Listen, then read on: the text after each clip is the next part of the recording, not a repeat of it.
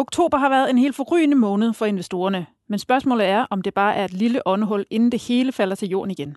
Det skal vi tale om med vores to gæster, som her i efterårsferien for en stund har forladt kastanjedyrene og den varme kakao derhjemme, for at være med her i studiet. Velkommen til dig, Josefine Setti, porteføljespecialist i St. Petri Capital. Fortsætter opturen? Godt være, at vi får et lille bear market rally. Det tror jeg, vi har brug for, men jeg tror stadig, at øh, ikke at vi har nået den endelige bund her. Okay. Og vores anden gæst her i studiet, det er Lars Hytting, aktiechef i Arta Kapitalforvaltning. Også velkommen til dig. Ja, tak. Lars, tror du, vi har nået et øh, vendepunkt? Jamen altså, jeg var her for, for 14 dage siden og, og meldte om en forsigtig optimisme, og, og den holder sådan set ved her 14 dage efter. Mm. Og så har vi som sædvanligt også øh, investorredaktør Simon Kirketab. Simon, hvordan er temperaturen på markedet lige nu? Ah, var det da dejligt, vi kan få lov til at være lidt positiv i dag. Nu har vi jo siddet her øh, som sådan en øh, dødkult øh, uge efter uge. Jeg ved snart ikke, hvor lang tid. Øh, det er bare blevet værre og værre. Øh, men øh, vi har fået en øh, kanon start på øh, oktober her. Og sidste uge herinde, Lars, der snakkede vi om det der med, at der skulle bare lige et nøgletal til at vende øh, skidtet. Altså øh, inflationstallene fra USA. Det var ikke, fordi de var specielt gode, da de kom i øh, sidste uge, men de var måske øh, ikke så ringe og frygtelige, som man kunne, øh, man, man kunne have, have tegnet øh, billedet op af. Så vi er jo op øh, Øh, med, øh, er det ikke 6-7 procent på øh, C25 indtil videre i, i den her måned, så det, øh, det går da rigtig, rigtig godt. Det er dejligt. Dejligt. Jamen velkommen til jer alle, og især velkommen til dig, der lytter med til Børsens Invest- Investor Podcast. Du har som altid mulighed for at stille spørgsmål til panelet. Skriv en mail til investor.borsen.dk. Mit navn er Heidi Birgitte Nielsen.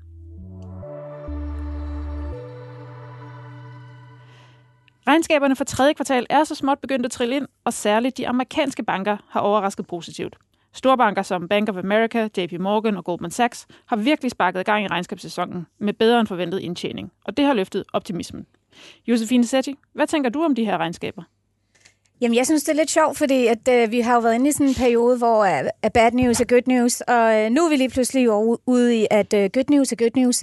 Øhm, men når jeg sidder og kigger på de her regnskaber og har brugt noget tid på det, så øh, kan man sige, sådan helt overordnet, ja, de slog forventningerne, fordi analytikerne har faktisk været i gang længe med at nedjustere estimaterne, og derfor slår de. Men deres indtjening falder jo faktisk tøsifred øh, i forhold til øh, Q3 sidste år. Øhm, så det er jo ikke fordi, at øh, det, det, det er de smukkeste regnskaber, de kommer med. Og man kan sige, at det, der trækker ned, det er jo selvfølgelig, de er nødt til at øge hensættelserne, fordi de alle sammen tror, der kommer recession næste år øhm, hvad hedder det, sådan nogle som Wells Fargo, der er store på realkredit, de ser jo langt øh, lavere aktivitet på grund af boligmarkedet og høje mortgage rates i USA. Og så har du de klassiske investmentbanker, som, øh, som selvfølgelig ikke tjener lige så mange penge, fordi MA-aktiviteten osv. er død. Øhm, men det, som jeg synes er interessant ved, ved de amerikanske bankers øh, udmeldinger, der har været, det er jo, at de over en bred kamp ikke ser nogen svaghed, når det kommer til den amerikanske forbruger. Men det er altså, vel de, godt? Nej, det er det jo ikke, fordi de ser ikke nogen svaghed på den amerikanske forbruger, de ser ikke nogen øh, tegn på afmatning i, i økonomien. Øhm, og øhm, altså man kan sige, hvis jeg sad og var, var Jerome Powell, han vil jo faktisk gerne have, at øh, vi får noget afmatning i økonomien, øh, sådan så han kan holde en pause øh, med de her rentestigninger. Men øh, han må jo bare sidde og kigge ind i det her og tænke, okay, økonomien er stadig bumstærk, det går stadig for godt derude, øhm, så han er jo nødt til bare at fortsætte øh, med, det, med det her øh, meget hawkish øh, mode, han har. Så, øh, så, så jeg synes ikke faktisk, at det er super positivt, i hvert fald ikke, hvis du sidder og håber på sådan et pivot øh, fra centralbankerne, sådan så vi lige kan få en dæmper på, på de her rentestigninger, der har været ret voldsomme. Så bare en midlertidig pause i al elendigheden, det er det, du ser øh, som konsekvens af de her regnskaber? Ja, desværre lidt, ja. Og uh. altså, vi så også Johnson Johnson og Target, bare lige for at ikke kun at tale om banker og sådan noget, de kom jo også ret fint ud, faktisk. Ikke? Så, så, så den er stadigvæk ret stærk, den amerikanske økonomi, så der er, der er rum til flere renteforhøjelser, desværre. Lars, er du enig i Josefines tolkning her? Altså, jeg vælger at fokusere på det, på det positive i det, vi nu ser fra regnskaberne. Øh, og, og som Jos, Josefine også siger, at det er jo ikke ligefrem noget festfyrværkeri, de kommer med. De kommer bare bedre end ventet. Mm. Øh, og, og jeg er ret overbevist om, at, at de renteforhøjelser, som Fed har sat i gang, og som fortsat vil komme, at de vil få en, en effekt på økonomien. Så i min optik, øh, så skal Fed egentlig fokusere på at holde sig til, til gameplanen. Vi ser, at det begynder at gå i sådan noget som boligmarkedet. Altså, der er en forsinket effekt af det, man har i gang. Øh, og USA skal nok ende i recession i 2023. Jeg har svært ved at forestille mig andet, men det her, det underbygger lidt, at vi måske kan kan få den her bløde landing, som, mm. som jeg går og håber på, så det ikke bliver bål og brand i gaderne, men øh, en mere øh, en landing på begge hjul. Det så øh, Jamie Dimon, topchef i JP Morgan, øh, han sagde jo også, at øh, der er betydelig modvind lige foran os. Stadig høj inflation, der fører til højere globale renter, usikkerhed om konsekvenserne af kvantitative opstramninger af krigen i Ukraine, som, for, som, forsøger, som forøger alle geopolitiske risici og den skrøbelige tilstand i olieforsyning og oliepriser. Så altså, billedet er ikke ligefrem sådan just positivt derude, heller ikke når han kigger derud. Men der skal måske bare ikke så meget til, før man øh, sender aktierne opad, fordi det har været så elendigt. Det har været ekstremt pessimistisk i lang tid, og det kan vi jo se i alle de der forskellige målinger, der er. Nu fik vi også det her globale fund manager survey fra øh, Bank of America Merrill Lynch øh, i går faktisk, som viser, at kontantbeholdningerne hos øh, øh, investorer globalt, det er på det højeste niveau siden 2001. Og det er jo sådan virkelig et øh, tegn på øh, voldsom, voldsom pessimisme, at øh, de store globale investorer parkerer kontanter på sidelinjen. Ja. Men de, jeg vil sige, op til finanskrisen var de også super negative, og der fortsat markedet stadigvæk med at falde ret betydeligt efterfølgende. Så man skal også passe på med at altså, gå fuldstændig kontrær det er rigtigt. på, på, på de der. Jeg tror bare grundlæggende, som du også siger, altså det er bare det der med, det tager bare længere tid, og egentlig vil vi gerne se en eller anden form for afmatning. Jeg tror alle så venter på, at der sker lidt af arbejdsløsheden begynder at stige, mm. og det her, mm. fordi så kan vi få lidt mere ro på, nemlig med, med quantitative tightening og alt det her. Sådan men, men vi skal nok først ud i, øh, i i 2023, før det for alvor kommer. Og så, ja, så, så man skal væbne sig med tålmodighed, desværre. Men lige nu, der går det godt. Lige nu går det fint. Lige nu går det godt. Og det vil jeg rigtig gerne snakke med dig, Lars, om, fordi det amerikanske aktiemarked, det er også smittet pænt af på de danske aktier. Øh, og der er jo særlig en aktie, som øh, du øh, har, har både øh, købt og hvad hedder det, fokuseret rigtig meget på, og det er øh, Hørbart og headset-selskabet GN Store Nord. Vi har jo snakket om den før, øh, den er faldet ekstremt meget det seneste år, men den seneste uge er den steget 25 procent. Og det har jo gjort dig til en glad mand. Kan du ikke forklare, hvorfor? Jo, men det... Øh, altså, jeg følger sådan set øh, alle de store danske selskaber øh, ret intenst. Men, men lige præcis GN har, har stukket ud her i 2022 som værende noget, noget helt ekstraordinært med den, øh, den medfart, aktien har, har haft. Øh, og øh, altså, markedsværdien var omkring 80 milliarder, da vi gik ind i 2022, og, og til morgen er den 21, og den har været nede og vende i en 16-17 stykker.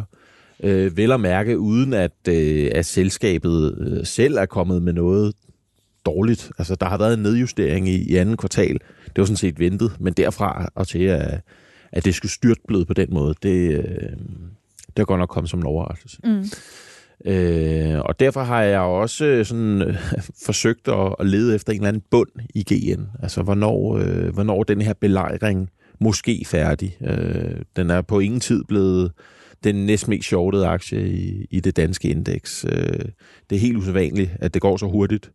Og, og i bund og grund, jamen, der har indsnævret sig en eller anden øh, frygt for noget finansielt øh, tumult. Øh, simpelthen at, at gælden er for stor i forhold til, til den indtjening, som, som selskabet kan, kan generere. Og, øh, og det har jeg bare ikke kun forstå. Øh, men alligevel er det det, der har fået aktien til at, at drætte fuldstændig ud over kanten. Men den gode nyhed her, og det er jo den, vi skal have på bordet nu, det er jo, at du har jo handlet på det. Du har jo valgt i torsdags at gå ind i vores All-Star-portefølje her i podcasten, hvor vi har det her hold af seks skarpe hoveder til at udvælge to aktier hver. Og der har du jo købt den ind, skiftet tryk ud, købt GN Store ud, og vi ligger faktisk med et øh, afkast på 21-22 procent øh, på den her øh, aktie lige nu, så det er, jo, det er jo rigtig, rigtig dejligt. Men det er jo modigt til noget bundfiskeri. Det ved du også, Josefine, fordi vi har jo Hello Fresh på det følgen, som, som vi prøver at bundfiske også. Det er ikke gået så godt.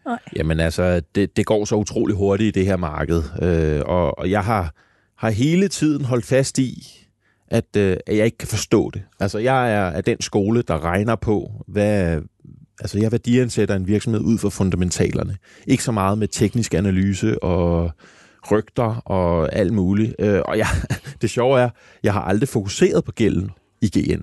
Altså, det, det har ikke været noget issue. Altså, da, da vi gik ind til året, der var den også 8 milliarder.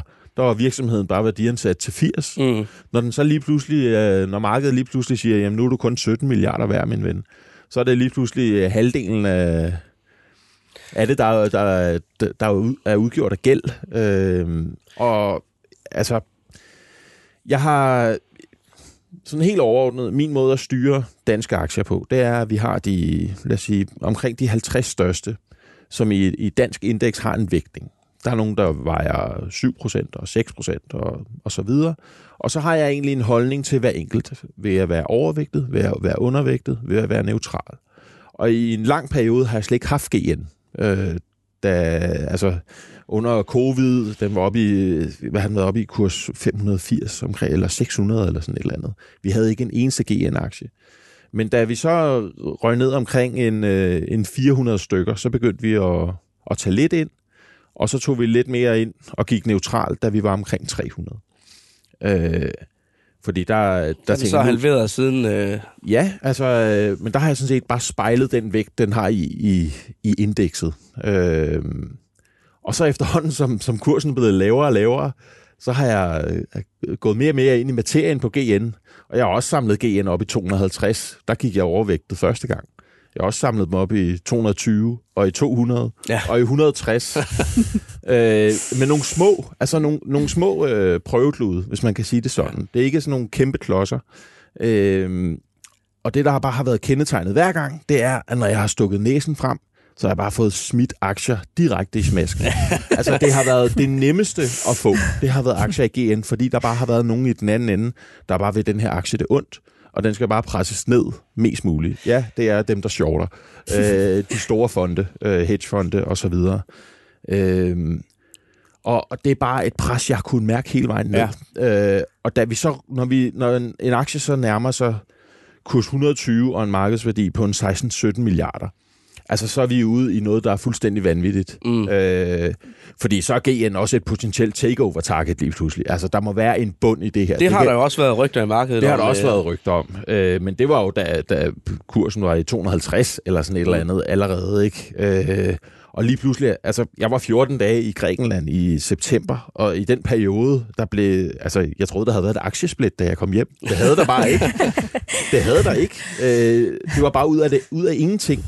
Og det er simpelthen fordi, at, at køberne har været skræmt for vid og sans. Fordi der er den her, GN skal hente penge, og de kan ikke servicere mm. deres gæld, og, og det er på en eller anden måde bare blevet forplantet sig i, i markedet. Og, og imens har der bare ikke nogen, der bare solgte, kampsolgte aktier. Så jeg har sådan let efter en bund i, og, i den her aktie. Og den øh, har vi måske fundet nu. Jeg skal, men, jeg skal men... ikke gøre mig til øh, orakel på, om bunden er fundet, men jeg kunne bare lægge mærke til, at ned i 120-21 stykker, der begyndte det at være svært at få aktier. Og, øh, og da vi så prøvede lidt igen på 22, 23, 24, det er blevet sværere og sværere og sværere. Og øh, efter jeg så havde fået støvsuget tilpas nok, så føler jeg mig ret komfortabel med, at, at, øh, at, at den her, det her med, at du bare får smidt aktierne i hovedet på den måde, den, det er overstået. Og så skrev jeg til dig, og så skal vi have nogle GN-aktier. Og det har vi fået nu, og det er jo rigtig, rigtig dejligt fordi vi har brug for lidt medvind til den portefølje. Det vender vi tilbage til senere. Men nu kan jeg ikke lade være med lige at læse lidt op på GN's historie, og det er jo lidt ligesom om, det er jo et helt andet... Øh, altså man skulle nærmest tro, det var et andet selskab i dag end øh, for et år siden. Jeg øh, rester lige med et papir her nu, fordi jeg har fundet en forside fra øh, for et år siden, hvor øh, der står her, milliardopkøb åbner lukrativt gamermarkedet for GN Audio. Altså det var da, de lavede det der øh, 8 milliarder kroner store opkøb af det selskab, der hedder SteelSeries. De var, øh, de var ude i øh, marken der i offensiven og købe op, og øh, fik også solgt den historie rigtig godt ind her. Øh, det så super positivt ud. Og det er jo egentlig lidt der, hvor det gældsproblem der, det kommer fra. Altså, øh, så, så, tog, så tog jeg lige en tur på Bloomberg, øh, vores øh, finansielle øh, mirakelmaskine, øh, som viser, at øh, deres øh, gældsfaktor i forhold til deres totale aktiver er jo steget fra 35 procent til øh, pt. 53 procent øh, over det seneste år. Og samtidig, hvis man så kigger på, øh, hvordan øh, omsætning og indtjening øh, har udviklet sig i selskabet, så er det godt nok en øh, markant stigende omsætning. Men indtjeningen ser faktisk ud til at, øh, at dykke. Altså, øh, deres, øh, deres omsætning i øh, sidste år, den, den var, øh, den var øh, den var 15,8 milliarder kroner. Den ser ud til at blive 19,3 milliarder kroner i år. Men indtjeningen per aktie til gengæld, den går ned fra øh, 13 kroner og 49 til forventeligt 11 øh, øh, kroner og 37 øre i år. Det er, vel, det er vel ikke super hensigtsmæssigt, at man laver kæmpe opkøb, og så falder indtjeningen, når man optager gæld. Og, altså, øh, og nu har vi så stigende renter, og jeg skal komme efter dig. Altså, Jamen altså, problemet er jo den forside, du viser der, øh, fordi det er jo det, der er kilden til det hele. Øh, set udefra, købet af SteelSeries, genialt, øh, men øh, timingsmæssigt elendigt. Øh, fordi hvis der er noget, der er gået i stå, så det hele det her gamingmarked. Øh, det ser vi også for, for alle de andre producenter, og det er der også det, man... Jeg lagde mærke til, at for regnskaberne her i andet kvartal, alle de her US companies, som er inden for gaming, hver gang at nogle af dem kom med dårlige nyheder for deres regnskab, og det gjorde de alle sammen, så blev GN bare slagtet hver gang. Som om, at lige pludselig så var GN SteelSeries, og mm. ikke en høreapparat-division, som, som leverer nogle super gode produkter, og øvrig audio i øvrigt. Altså det, det er nærmere bare, lige pludselig var GN lige med SteelSeries, og man har købt det her til 8 milliarder, øh, som, som er den gæld, man nu, man nu bakser med. Josefine, nu, øh, du sidder jo en hedgefond, og I shorter øh, ofte aktier, og GN her er jo en af de mest shortede danske aktier. Vi er ikke short øh, i, i GN, og jeg skal slet ikke øh, gøre mig klog på, på den, fordi jeg har ikke kigget, men altså, jeg vil sige, øh, det som vi... Øh, vi vil kigge på, øh, altså vi har jo øh, også shortet, øh, som jeg talte med dig, Heidi, om de der svenske ejendomsselskaber, mm. netop også fordi, at øh, de har en enorm gældsbyrde. Så, så det, øh, vi nok, altså det, vi vil fokusere på, det er mere øh, altså maturity af gælden. Hvornår skal de ud og refinansiere al den her Præcis. gæld? Fordi hvis du først skal ud og refinansiere den for eksempel om 3-5 år, så vil jeg være lidt mere rolig, fordi øh, du ved, så er der noget tid til. Men mange af de her svenske ejendomsselskaber, for eksempel, som vi har shortet, og, og nu kender jeg som sagt det GN's profil, de skal faktisk ud og refinansiere en rigtig stor del af gælden inden for de næste seks måneder, og så begynder det at være rigtig presset, fordi så har du både nogle renteudgifter, der er øh, steget voldsomt på den korte bane her, øh, men du skal også ud og hente nye penge i et super presset marked, mm. øh, og til, til meget højere renter, end du har været vant til de sidste 10 år. Øh, så, så jeg tror, det er det, der er vigtigt at kigge på. Mm. Når du sidder og kigger på gælden i de her virksomheder, det er lige nu, og, og skal du shorte, undervægte noget, det er mere sådan gældsprofilen eller maturity-profilen på jeg det. Jeg tror, Jefferies var ude med en analyse, hvor de netop havde slag i forhold til, at mm. GN skal refinansiere noget af gælden her i 23. Ja. Øh, ja, men okay. det er også nemt ja. at ligge sig i slipstrømmen øh, af alle de andre negative. og, øh, og men, den er jo også kommet meget... Altså, du ved, der, hvad, hvad er priset jo, ind? Og, det er jo, og helt, det, ja. ja. det er jo helt vildt. Altså, og, og, og GN var jo faktisk ude i anden kvartal og melde, at man har lavet en ny kreditfacilitet også på, på 250 millioner, som som der slet ikke bliver taget højde for øh, i det her. Men Lars, sidste uge herinde, ja. der var Peter Bækgaard også i studiet, vi havde faktisk en god øh, debat om den her GN øh, store aktie. Jeg ved, øh, Peter han øh, har også fulgt den her løbende. Det er nemlig rigtigt, og vi har med på en telefon her, øh, fast gæst i Investorpodcasten, Peter Bækgaard. Er du øh, igennem? Det er jeg. Antagende, at I kan høre mig. ja, det kan vi i hvert fald. Rigtig hjertelig velkommen til. Så. Øh, tak.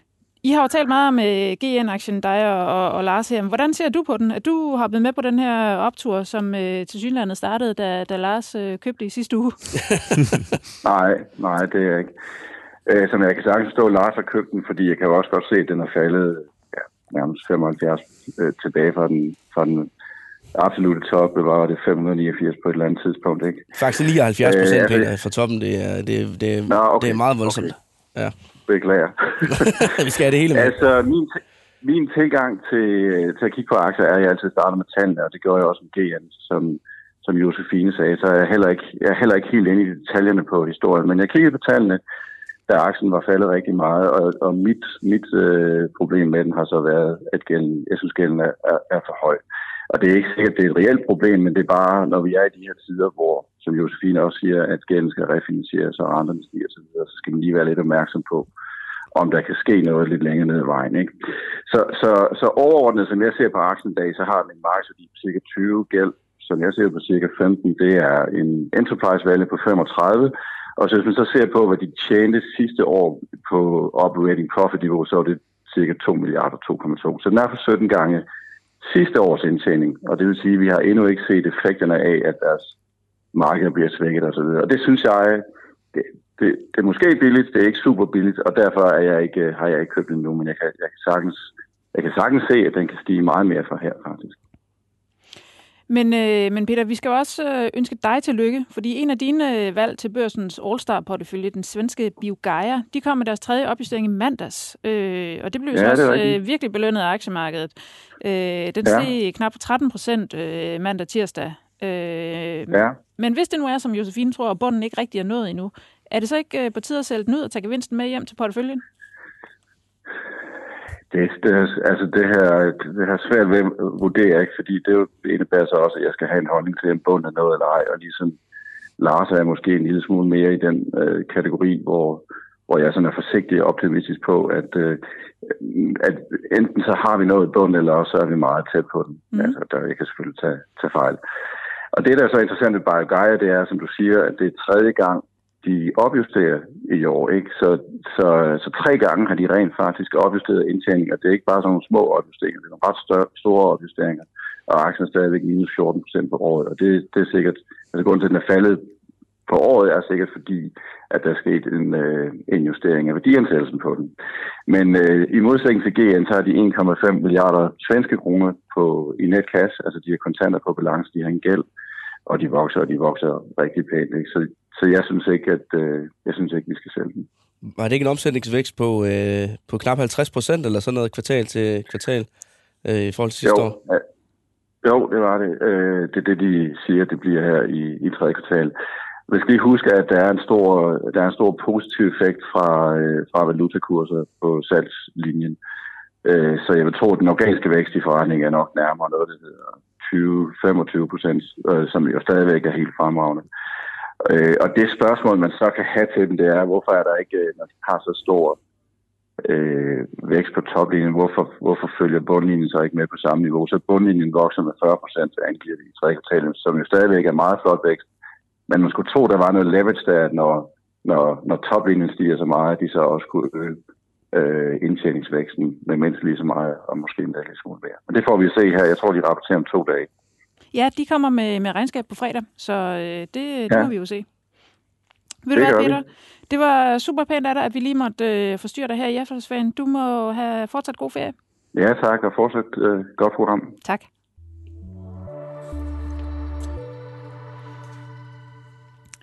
Så vil jeg rigtig gerne lige vende tilbage til det, vi var inde på før, nemlig øh, gæld det øh, er jo noget, vi alle sammen ved, at når renterne de stiger, og det må man jo sige, at de gør, så bliver det dyrere at have gæld, også når man er virksomhed. Simon, du og jeg, vi lavede for et par uger siden øh, i vores egen øh, fremragende avis øh, artikler om, at det nordiske gældsmarked er rigtig presset lige nu, øh, simpelthen fordi investorerne er i gang med at, at smide alt, der hedder risici. Øh, hvad, hvordan påvirker det selskaberne? Jamen altså, hvis du står og skal refinansiere din øh, gæld, øh, og der ikke er nogen, der vil, øh, vil komme med penge til dig en gang til, så har du et alvorligt problem. Øh, og man kan sige, så går det jo enten i to retninger. Enten ender man med at betale en meget, meget øh, høj rente. Altså, øh, øh, det man vel kan kalde lidt øh, med et frækt udtryk, øh, rockerlån. Øh, altså, øh, eller, også, øh, eller også kan du simpelthen ikke finde pengene. Øh, og hvis man tænker på øh, sin egen øh, lille husholdning derhjemme, øh, Altså, øh, så, øh, så vil man jo også ind i øh, gevaldige problemer der, hvis man, øh, man ender det. Men her er det jo så børsnoterede selskaber i stedet for. Og øh, der kan vi jo se, at øh, der kommer jo en, øh, en bølge af selskaber, der skal ud og hente penge. Og det bliver jo i hvert fald til nogle andre renter, end det, de har finansieret sig til øh, hidtil. Og vi har jo ikke sådan, vi har jo ikke sådan for alvor set problemet folde sig ud i det nordiske marked endnu. Vi har haft øh, et øh, enkelt øh, svensk ejendomsselskab, KM, som ikke øh, kunne... Øh, kunne refinansiere sig. Der kommer flere her øh, lige om lidt, og der er faktisk to selskaber mere her ved udgangen af måneden, der skal ud og refinansiere sig. Øh, så der går vi meget, meget øh, spændende tider i møde, og i værste fald, så, øh, så går selskaber jo ned, hvis ikke de kan, kan refinansiere sig. Det er nemlig rigtigt. Josefine, du har som sagt tidligere talt om den svenske ejendomssektor som øh, en branche, der, der virkelig har meget gæld. Men er der andre sektorer, som man som investor ligesom skal være opmærksom på øh, i, i, i den her periode? Det er der helt sikkert. Altså jeg vil sige, det har været øh, vores øh, ultimative fokus, fordi det har været øh, vores største short, men jeg vil sige, der er, øh, uden at skulle sådan sætte navne på, der er en del også sådan europæiske, øh, altså shopping malls øh, og så videre, og øh, også øh, nogle holdingselskaber, der sidder med gælden øh, bag, bag nogle af de store sådan, hotelgrupper og så videre, som også har øh, massiv gæld. Øh, så, øh, men det, jeg egentlig synes, der er lidt sjovt, det er, hvis man kigger på, på markedet som helhed, sådan sector-wise, det er, hvis du satte dig ned 1. januar i år, og vidste, at renterne ville stige så meget, og at du ville imødekomme sådan marked her, og du sad og skulle sige, okay, jamen, hvad skal jeg overvægte, hvad skal jeg undervægte, baseret på, du ved, hvad har meget gæld, hvad har lidt gæld, osv., så, så havde du jo nok ikke købt øh, energiaktier, som har været den mest stigende sektor i år, mm. fordi de har ret meget gæld. Du havde heller ikke købt utilities, som også har været sådan en outperformer i hvert fald i forhold til S&P. Mm. Øhm, og du havde faktisk nok også overvægtet øh, altså store tech-aktier og sådan noget, fordi de har jo faktisk ikke særlig meget gæld. Så det har været sådan lidt kontraintuitivt, øh, kan man sige, sådan set i bag, bagklodskabens lys. Øh, lige utilities faktisk i USA, de, øh, de er begyndt øh, at vise øh, ret, øh, altså begyndt at falde en del herover de sidste par uger. Men det er mere det der med, at det er øh, ikke så meget på grund af fokus på gælden, men det der med, at det er et øh, dividend yield, og nu får du altså 4% på en amerikansk treasury, som er højere end den dividende, du får. Hvorfor, altså, vil du så ikke hellere have en, en statsobligation end en eller anden utility, som har en masse andre ting, øh, mm. der potentielt kan udfordre? Har i hvert fald formentlig en høj kreditrisiko. Ja, så, så, så det synes jeg egentlig er lidt, lidt morsomt. Men høj gæld er jo ikke noget problem, så lang øh, tid man også bare har en, øh, har en høj indtægt. Øh, og det tror jeg faktisk, hvis vi lige må spole lidt tilbage til, til GN, øh, det er jo nok en af årsagerne til, at øh, den har fået så mange pryl i aktiemarkedet. Det er, hvis man, øh, hvis man zoomer ned der og ser på, hvordan er deres gæld faktisk i forhold øh, til indtjeningen så, øh, så, så deres øh, gældsforhold i forhold til deres EBITDA-indtjening, øh, det, det hedder 5,6, og hvor gennemsnittet for C25, det hedder 2,3. Øh, så øh, så det, det, det er sådan noget, man, man, man skal holde øje med.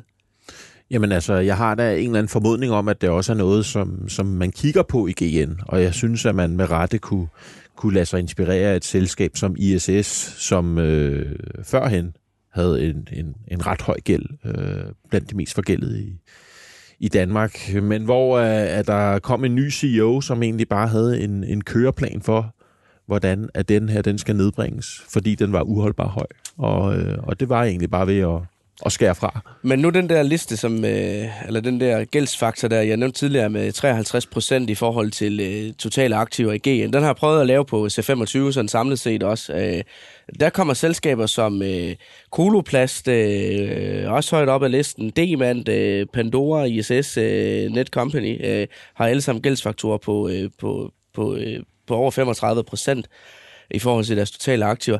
Er det så nogle aktier, I synes, man skal være på vagt øh, for os, eller... Det er ikke noget, jeg har... Det er ikke det, der, ligger, der gør, at jeg ligger søvnløs om natten i hvert fald. Øh, ikke, ikke på nuværende tidspunkt. Hvor højt skal den op, før du ligger søvnløs? Øh, det ved jeg ikke. Højere end det der i hvert fald. Men er det det, man kigger efter? Altså er der et særligt nøgletal, hvis man som investor skal ud og, og, og, og investere i noget og, og finde ud af, hvor meget, hvor meget fylder gælden? Hvor stort et problem kan det blive? Hvad, hvad er det for, et, for nogle nøgletal? Hvor ligger gældshunden begravet i regnskabet? Jamen altså, øh, det er jo en eller anden afvejning af, hvornår begynder det at gå for meget ud over den, øh, det, der kommer ud nede på bunden. Altså, øh, nu er vi også ramt af stigende inflation og højere omkostninger til alt muligt andet. Så det er jo en eller anden balance, og det kommer også an på, hvilken, hvilken forretning det nu er. Øh, altså grund til, at jeg, at jeg ikke kan være så konkret, det er, at jeg ikke ser nogen problemer i C25, øh, som er, er det, mm. jeg ligesom dækker mest ja. intenst. Jeg synes, de danske selskaber øh, gør det rigtig godt, og er øh, i forhold til et europæisk øh, sammenligningsgrundlag. Altså, så er det jo øh, yberduxe, øh, og jeg tror heller ikke, Josefine har nogen af de danske i kikkerten. Nu nævnte hun selv nogle øh, europæiske virksomheder, øh, hvor, hvor gælden er meget høj. Altså, der, der er vi bare ikke, og derfor er det også kommet lidt bag på mig, det her med, med GN, øh, at, at det skulle være det, der ligesom skulle drive markedsværdien fra 80 til 17 milliarder øh, på, øh, på 10 måneder. Mm. Men Josefine, øh, altså øh, problemet i, i ejendomssektoren til gengæld, det er vel lidt, at, øh, at finansiering der, det er jo en del af råvaren. Altså, at, øh, at, at der, der er generelt bare store øh, gældsretter i ejendomsselskaber. Jamen, det er der, og det er jo ikke kun de svenske. Det, det er jo sådan lidt across the board. Um, du kan også se, at ejendomsaktier i USA har også klaret sig rigtig dårligt, uh, dårligt i år. Ikke? Um, og så er problemet, som sagt, det der med, at når du så står og har opbygget de her store gældskvoter, og uh, credit rate, uh, rating agencies begynder at komme uh, og sige, at I bliver simpelthen nødt til at, uh, at få gælden ned, mm. uh, jamen så er der ikke så meget for dem uh, at gøre. De kan ikke rigtig vokse, sådan, gøre mere, end de allerede gør så, så de er nødt til at skaffe sig af med nogle af de her ejendomme, og så er det, det bliver den her selvforstærkende uh, spiral, kan man sige. Så. Og det, der jo kan være farligt, hvis man har høj gæld, det er jo så, at øh, hvis ikke man kan hente øh, penge i gældsmarkedet, så er man måske øh, nødt til at gå ud og udstede øh, aktier i stedet for. Mm. Og så kan de eksisterende aktionærer jo risikere at blive udvandet simpelthen øh, sådan med badevandet. Og der kan jeg i hvert fald huske tilbage under finanskrisen, der havde vi da en række danske selskaber, der kom i, øh, i, øh, i problemer med, øh, med, der, med deres øh, kapital og måtte, øh, måtte sendes i aktiemarkedet af deres bankforbindelser. Altså prøv at tænke på sådan noget som øh, Torm. Øh, den snakkede vi om øh, for, øh, for nogle øh, udsendelser siden, at øh, det går fantastisk øh, høj indtjening, men de har været igennem en kæmpe... Øh, rekapitalisering efter finanskrisen, og hvor at øh, aktionærerne, de mistede stort set alt. Det var dem, der kom med nye penge, som, som endte med at eje øh, hele selskabet. Vi havde øh, Sjælsø-gruppen, øh, store øh, developer-selskab, der gik ned i kølvandet på finanskrisen, også på grund af, af for høj gæld. Der var sådan noget som H plus H øh, International, øh, dem her, der laver det her porbeton, der kan jeg også huske, at øh, aktionærerne der, de blev fuldstændig øh, skyllet ud øh, i den. Eller sådan noget øh, lidt mere favorit som øh, Parken Sport og Entertainment, øh, som også øh, havde for høj gæld og en, en masse goodwill, de måtte øh, nedskrive på, og måtte også ud og, og hente penge i markedet. Øh, øh, i årene efter finanskrisen. Så det er jo, øh, det er jo en risikofaktor, øh, som øh, aktionærer skal holde øje med i det her, fordi det er sådan set der, hvor at, øh, ens øh, lille andel af et børsnoteret selskab, den kan risikere at blive meget, meget mindre, hvis det er sådan, der skal hentes nye penge i krisetid. Og det kan man jo se, det behøver man ikke gå tilbage til finanskrisen for at se, man kan bare kigge på SAS. De ja, øh, skal det er... ud og hente nye penge øh, nu, og det, det kommer til at gøre rigtig ondt på de eksisterende øh, aktionærer. Det er også et rigtig, rigtig godt eksempel. Det er skræmme eksemplet, Ja. holder jeg mig. oh. Og så har vi jo været lidt inde på det allerede, men så skal vi høre om, hvordan det står til i vores fantastiske All-Star-portfølje. Som Simon sagde tidligere, så har vi seks paneldeltagere, der har købt to aktier hver for i alt 600.000 danske kroner, stillet til rådighed af Saxo Bank. Overskuddet skal gå til et godt formål, men kommer det til at ske? Kommer der til at være noget overskud, Simon? Øh, jeg er langt mere optimistisk, end jeg har været i lang tid i hvert fald. Øh, det er... Øh, ja, bare i sidste uge virkede det jo nærmest øh, utænkeligt, at øh, vi skulle kunne, øh, kunne gøre et øh, overskud op, når vi når øh, til nytår. Men altså, øh, vi har faktisk, øh, vi har faktisk hentet øh, 50.000. Vi startede med de 600, så vi er nede i 500, og nu er vi på 550.000. Så Det er jo ikke hvis dårligt. det fortsætter med at gå frem på den tem- med det tempo, så, øh, så ender det med at blive, øh, blive helt godt. Øh, men det er jo lidt sjovt at sidde og glæde sig over, at man kun har tabt øh, 50.000 i en portefølje på, på 600.000. Det er jo slemt nok. Mm. Øhm, men øh, selvfølgelig, GN Store Nord har vi, øh, har vi virkelig profiteret på. Og du fik endda lidt øh, ekstra øh, ammunition på, øh, da vi handlede den, fordi de andre positioner har vi sådan handlet for omkring øh, 50.000 kroner, men vi havde 4.000 kroner øh, stående på kontoen, og tryk øh, var cirka 50.000 hver, så du fik lige de sidste 4.000 der med oveni. Så vores, øh, vores GN-position, øh, den er pt. 63.000 øh, kroner hver. Vi har, øh, og vi har hentet øh, 11.000 kroner i, øh, i afkast, 21,5 procent, og det er nu vores øh, største aktie, så... Øh, det er jo øh, det er jo dejligt med lidt, øh, lidt medvind, men øh, ellers så øh, kan vi jo tage en tur rundt i porteføljen, sådan lige og øh, se, om der er andet, vi kan, øh, vi kan, vi kan blive mundret lidt op over. Altså, øh, øh, SimCorp, øh, ikke helt så meget. Den har lige været nede og vende i det, i, øh, i det laveste kurs i år. Øh, så øh, Asbury øh, Automotive, øh, der havde vi øh, JP Morgan, øh, der var ude og sige, at, øh, at det, det ser ud til at blive et rigtig, rigtig hårdt marked i, øh, for brugtbilmarkedet i USA. Det gælder jo stadigvæk, så der er ikke så meget nyt der. Så er der BioGaia, der er kommet øh, rigtig stærkt igen. Øh, så der har vi kun et tab på 7,3 procent øh, på, øh, på den aktie lige nu. Det har set, øh, set meget værre ud. Så er der Danske Bank øh, faktisk også øh, godt med deroppe igen. Den øh, kysser lige kurs 1000. tidligere i, øh, eller kurs 1000, jeg gider det var så vel kurs 100, mener jeg. ja, jeg tænker også, det var da voldsomt. Øh, ja, så, så, så vil der for alvor blive, øh, blive penge at dele ud af. Den lå nede i 91,5 øh, øh, her tidligere i oktober. Så er der Elekta, den er op hele 16 procent i oktober. De har lige øh, fået en øh, ordre på 50 millioner euro til Italien på deres... Øh, øh, de laver jo... Øh, de laver jo øh, strålekanoner og sådan noget til, til cancerbehandling. Øh, og så øh, Hello Fresh, øh, Josefine, den skal vi lige have fat i. Det er jo vores, øh, vores bundprop Dog, i øh, porteføljen øh, stadigvæk. Ja. Altså, jeg vil sige sådan, den er... Øh, det er jo lige meget, om markedet er godt eller... Altså, når markedet er dårligt, så øh, underperformer den totalt, og når markedet er godt, så følger den slet ikke med. Altså, for eksempel i sommer, hvor øh, vi havde det her rally, der fulgte den slet ikke med. Øh, så jeg tror øh, vidderligt, at... Øh, vi er nødt til at se det her regnskab øh, an, der kommer, og det kommer jo her øh, i slutningen af måneden. Øh, det samme med Stor Enso faktisk. Ja. Øh, og håbet kan jo være, at øh, deres amerikanske del øh, klarer sig godt, fordi det stadigvæk går godt i USA. De også får noget medvind på valutakursen osv. Men næste gang... Øh, det er den 2. november, der sender jeg faktisk øh, Jens Larsson, som er partner i St. Petri herind, øh, og, øh, og så er jeg sikker på, at han øh, kan øh, virkelig gå øh, i dybden med HelloFresh-regnskabet, og Det- forhåbentlig har det været godt, for det, den, Det den glæder vi os skylder. til. Det har vi brug for. Det har vi Det brug har for. vi rigtig meget brug Den for. har vi, øh, den har vi tabt øh, 42 procent på indtil videre. Vi købte den til øh, kurs 38. Den ligger nu i øh, lige omkring øh, 92. Og jeg så, at JP Morgan øh, var lidt ude efter den her. De, øh, de havde nedgraderet deres øh, kursmål fra 35 til 23. Hold da op. Okay, ja. Men, men, men, men. Gruppen af analytikere, der, der følger den, ser faktisk samlet set et uh, kurspotentiale på over 100% det kommende år. Så uh, det må godt snart begynde at manifestere sig ja. i... Uh, Jamen, bare lige 100 procent her inden året er ude, så er vi ja, så, øh, Ej, det er, det er jo ikke engang sjovt, men altså, øh, ja. Men jeg har, jeg har kursgrafen med her på et stykke papir. Øh, man må bare sige, øh, der ser ikke ud til, at det er det...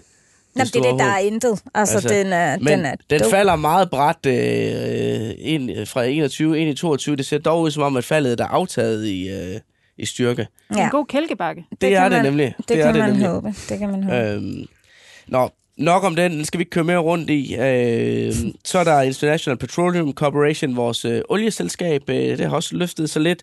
Og de ligger jo bare og tilbagekøber aktier helt vildt, fordi de tjener sindssygt mange penge. Altså, øh, de tilbagekøber 10% af aktiekapitalen i år. Det er det eneste nye, der er, for det, at de har bare sendt en meddelelse ud om, at det går planmæssigt. Så er der ISS. Lars, jeg kunne ikke finde det store på den, så hvis, øh, det er jo dig, der har puttet den ind til porteføljen. Så du, hvis, hvis du synes, at, at vi skal have noget til bordet her, så, så er det nu. Øh, det går bare godt. Det, øh, der Ja. bliver vundet kontrakter, og nu har selveste Goldman Sachs også øh, fået øjnene op her til, til morgen, og også siger ikke selv længere. Så øh, Nej, de er kommet på neutral. jeg, jeg føler mig meget komfortabel, øh, specielt i forhold til de to, øh, jeg har til Det- porteføljen. Og den ligger op med 7,5 procent, altså, så vi må jo bare sige, at du er vores øh, stjerneinvestor på holdet indtil, øh, Indtil videre. indtil videre i hvert fald. Tryk Godt klarede sig også godt. øh, Den nåede så desværre falde lidt tilbage, inden vi fik Ja, den jeg vil gerne lige have regnskabet med. Jeg var lidt skuffet over, at, øh, at det var lidt ringere end ventet. Så jeg skulle have lavet bytteren, tryk GN dagen før. Men altså, Ja, det, det gør vi næste gang, så, Ja. ja. så må den sidde der. Øhm, så er der Mercedes, øh, som, øh, som også øh, er op øh, 10% på ganske kort tid. Der har deres øh, CEO, øh, Ola Kalinius, jeg ved ikke, om det er rigtigt udtalt, det er det, lyder formentlig, det, det er det formentlig ikke. Men øh, han har været ude øh, i et øh, interview her med øh, Bloomberg øh, øh, og sige, at, øh, at øh, godt nok er vi et økonomisk udfordrende øh, miljø, øh, men deres mål det er stadigvæk i det her miljø og producere et robust finansielt resultat. Så øh, det håber vi, at øh, de kan leve op til. Og så er der Merck, øh, vores amerikanske farmaselskab, som øh, faktisk også øh, kører rigtig godt derud af. 8,2 procent op øh, fra købskursen. Det er Nina Movin, der har puttet ind med den, så øh, han må vi snart have ind og forklare lidt nærmere om, hvorfor at, øh, det så går så godt, øh, så vi kan få nogle af de gode øh, historier på bordet. Øh, det, den er et mulighed for at ramme øh, all-time high, altså højeste kurs øh, nogensinde. Øh, noget af det nye der, det er, at øh, de har været ude og lave en aftale med Moderna om øh, K-udvikling af en, øh, af en, øh, af en cancervaccine. Øh, og så er der Stora Enso, som øh, den sidste aktie, som vi også lige skal forbi, øh, Josefine. Den ligger jo med et tab på 25 øh, procent. Øh, og egentlig, øh, hvis jeg lige skal give dig lidt medvind på den, så kan man jo godt undre sig lidt over det, fordi øh, øh, der er jo udsigt til indtjeningsfremgang. Ja. Øh, de tjente øh, 1,19 euro per aktie i 21, og man forventer øh, 1,71 her i øh, 22, og alligevel er aktien øh, 30 procent ned siden april. Hvad, hvad sker der? Men markedet er jo bare dumt. Nej, det kan man ikke sige jo. Det er, øh, ja, det, der, er, der er ikke, altså, det er bare ikke det, der er en favor. Um, så, så det har bare været en øh, super dårlig timing at, at købe den på, kan man sige. Men nej, der er ikke noget fundamentalt øh, dårligt i den. Um, så, så vi må se regnskabet an.